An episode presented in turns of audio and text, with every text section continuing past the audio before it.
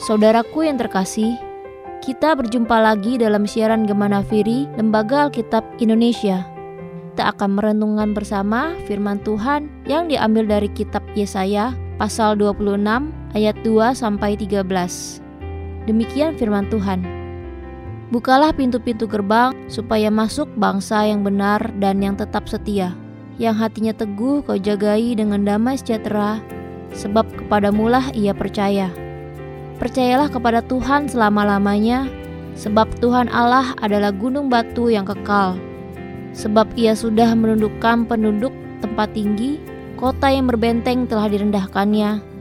Direndahkannya sampai ke tanah dan dicampakkannya sampai ke debu. Kaki orang-orang sengsara, telapak kaki orang-orang lemah akan menginjak-injaknya. Jejak orang benar adalah lurus, sebab engkau yang merintis jalan lurus baginya. Ya Tuhan, kami juga menanti-nantikan saatnya Engkau menjalankan penghakiman. Kesukaan kami ialah menyebut namamu dan mengingat Engkau. Dengan segenap jiwa, aku merindukan Engkau pada waktu malam. Juga dengan sepenuh hati, aku mencari Engkau pada waktu pagi. Sebab apabila Engkau datang menghakimi bumi, maka penduduk dunia akan belajar apa yang benar. Seandainya orang fasik dikasihani, ia tidak akan belajar apa yang benar. Ia akan berbuat curang di negeri di mana hukum berlaku dan tidak akan melihat kemuliaan Tuhan. Ya Tuhan, tanganmu dinaikkan, tetapi mereka tidak melihatnya.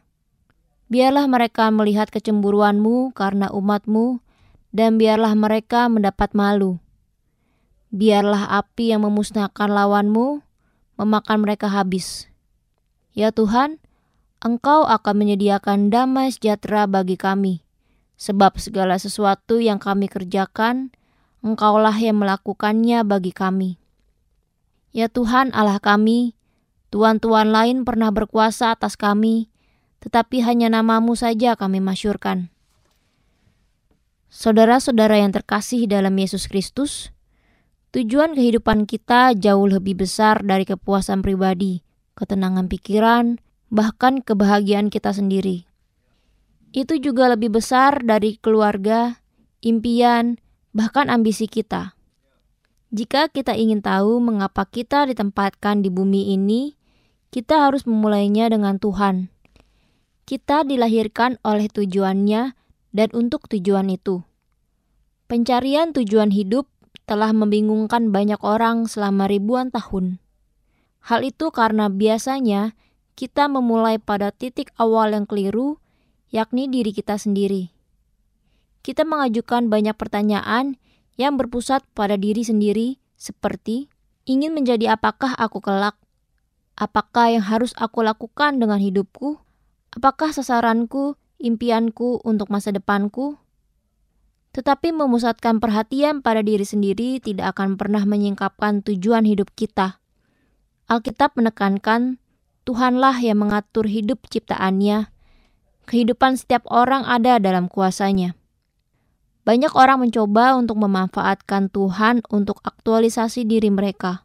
Tetapi itu adalah pemutarbalikan alam dan pasti gagal. Kita diciptakan untuk Tuhan, bukan untuk sebaliknya. Dan hidup adalah tentang memberikan kesempatan kepada Tuhan untuk memakai kita bagi tujuannya, bukan memanfaatkan Dia untuk tujuan kita sendiri. Obsesi dengan diri sendiri dalam hal-hal duniawi akan membawa kebuntuan. Perhatian kepada Tuhan akan membawa kita pada kehidupan yang terbuka, luas, dan bebas. Cara termudah untuk menemukan tujuan hidup adalah bertanya kepada Sang Pencipta, yakni Tuhan. Tuhan tidak membiarkan kita dalam kegelapan untuk bertanya-tanya dan menebak-nebak. Alkitab adalah buku panduan kita yang menjelaskan mengapa kita hidup, bagaimana hidup berlangsung, apa yang harus dihindari, dan apa yang harus diharapkan di masa depan. Tuhan adalah sumber kehidupan kita. Untuk menemukan tujuan hidup kita, harus kembali pada firman-Nya, bukan pada hikmat dunia. Tuhan telah memikirkan kita jauh sebelum kita ada di dunia ini. Kita lahir ke dunia bukanlah suatu kebetulan atau kekeliruan. Orang tua kita mungkin tidak merencanakan kelahiran kita, tetapi Tuhan memang merencanakan kelahiran kita di bumi ini. Tuhan merancang setiap bagian dari tubuh kita, dan dengan sengaja Ia memilih ras, warna kulit, rambut, dan setiap ciri lainnya. Ia merancang tubuh kita sesuai kehendaknya. Begitu juga talenta-talenta yang kita miliki dan keunikan pribadi kita. Tuhan tidak pernah melakukan apa pun tanpa sengaja, dan Ia tidak pernah membuat kesalahan. Tuhan menciptakan kita supaya Ia dapat mengasihi kita. Hal ini adalah kebenaran yang harus menjadi dasar kehidupan kita. Karena Tuhan, maka kehidupan kita di dunia mempunyai arti yang dalam. Saudaraku, saat ini mungkin kita digerakkan oleh suatu masalah, suatu tekanan, atau suatu batas waktu. Ada berbagai keadaan, nilai, dan emosi yang dapat mendorong kehidupan kita.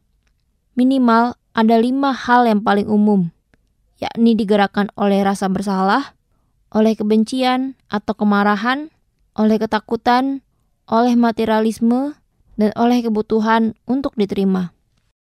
Sebagai anak Tuhan, maka seharusnya kehidupan kita hanya bertujuan kepada Kristus.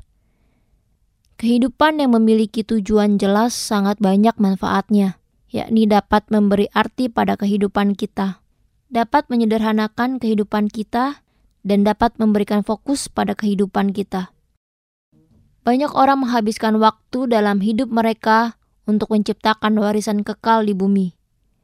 Mereka ingin dikenang ketika mereka tiada namun, yang terpenting bukanlah apa yang dikatakan orang lain tentang kehidupan kita, melainkan apa yang Tuhan katakan. Hidup untuk menciptakan warisan duniawi adalah tujuan yang dangkal. Penggunaan waktu yang lebih bijaksana adalah membangun suatu warisan kekal. Keberadaan kita di bumi bukanlah untuk dikenang, tapi kita hidup untuk mempersiapkan diri menghadapi kekekalan. Kehidupan sekarang adalah persiapan untuk kehidupan selanjutnya. Tubuh jasmani kita hanyalah tempat sementara bagi roh kita. Alkitab berkata, karena kami tahu bahwa jika kemah tempat kediaman kita di bumi ini dibongkar, Allah telah menyediakan suatu tempat kediaman kita di surga bagi kita, suatu tempat kediaman yang kekal yang tidak dibuat oleh tangan manusia. Jika kita hidup dalam terang kekekalan, nilai-nilai kita berubah. Kita memakai waktu dan uang dengan lebih bijaksana. Kita lebih menghargai hubungan dan karakter daripada kepopuleran atau kekayaan atau prestasi bahkan kesenangan. Prioritas kita tertata ulang. Alkitab memaparkan tiga hal yang mengajarkan kita tentang pandangan Tuhan terhadap kehidupan, yakni kehidupan adalah ujian, kehidupan adalah kepercayaan, dan kehidupan adalah penugasan sementara. Ketiganya itu menjadi fondasi dari kehidupan yang digerakkan oleh tujuan. Kisah-kisah di seluruh Alkitab memaparkan Tuhan kerap menguji karakter, iman, ketaatan, kasih, integritas, dan kesetiaan manusia. Karakter berkembang dan terlihat melalui ujian, dan seluruh kehidupan adalah ujian. Dengan demikian, kehidupan kita semakin berhati-hati dan tidak sembarangan dalam menjalani kehidupan. Waktu yang kita miliki di bumi, energi, kepintaran, kesempatan, hubungan, dan sumber daya kita adalah pemberian Tuhan yang dipercayakan kepada kita untuk dipelihara dan dikelola. Tuhan hanya meminjamkan bumi kepada kita sementara kita hidup di sini. Bumi adalah milik Tuhan bahkan sebelum kita lahir kita hanya diberi kesempatan sebentar untuk menikmati bumi ini. Untuk itu, marilah kita mengutamakan Tuhan sebagai sumber kehidupan kita. Arahkan hati kita hanya tertuju kepadanya, sebab kehidupan kita bukanlah untuk dunia, melainkan untuk Allah, dan kelak kita akan bersamanya. Selamat berubah dan mengisi hidup dengan tujuan hanya kepada Kristus. Tuhan Yesus memberkati kita semua. Amin.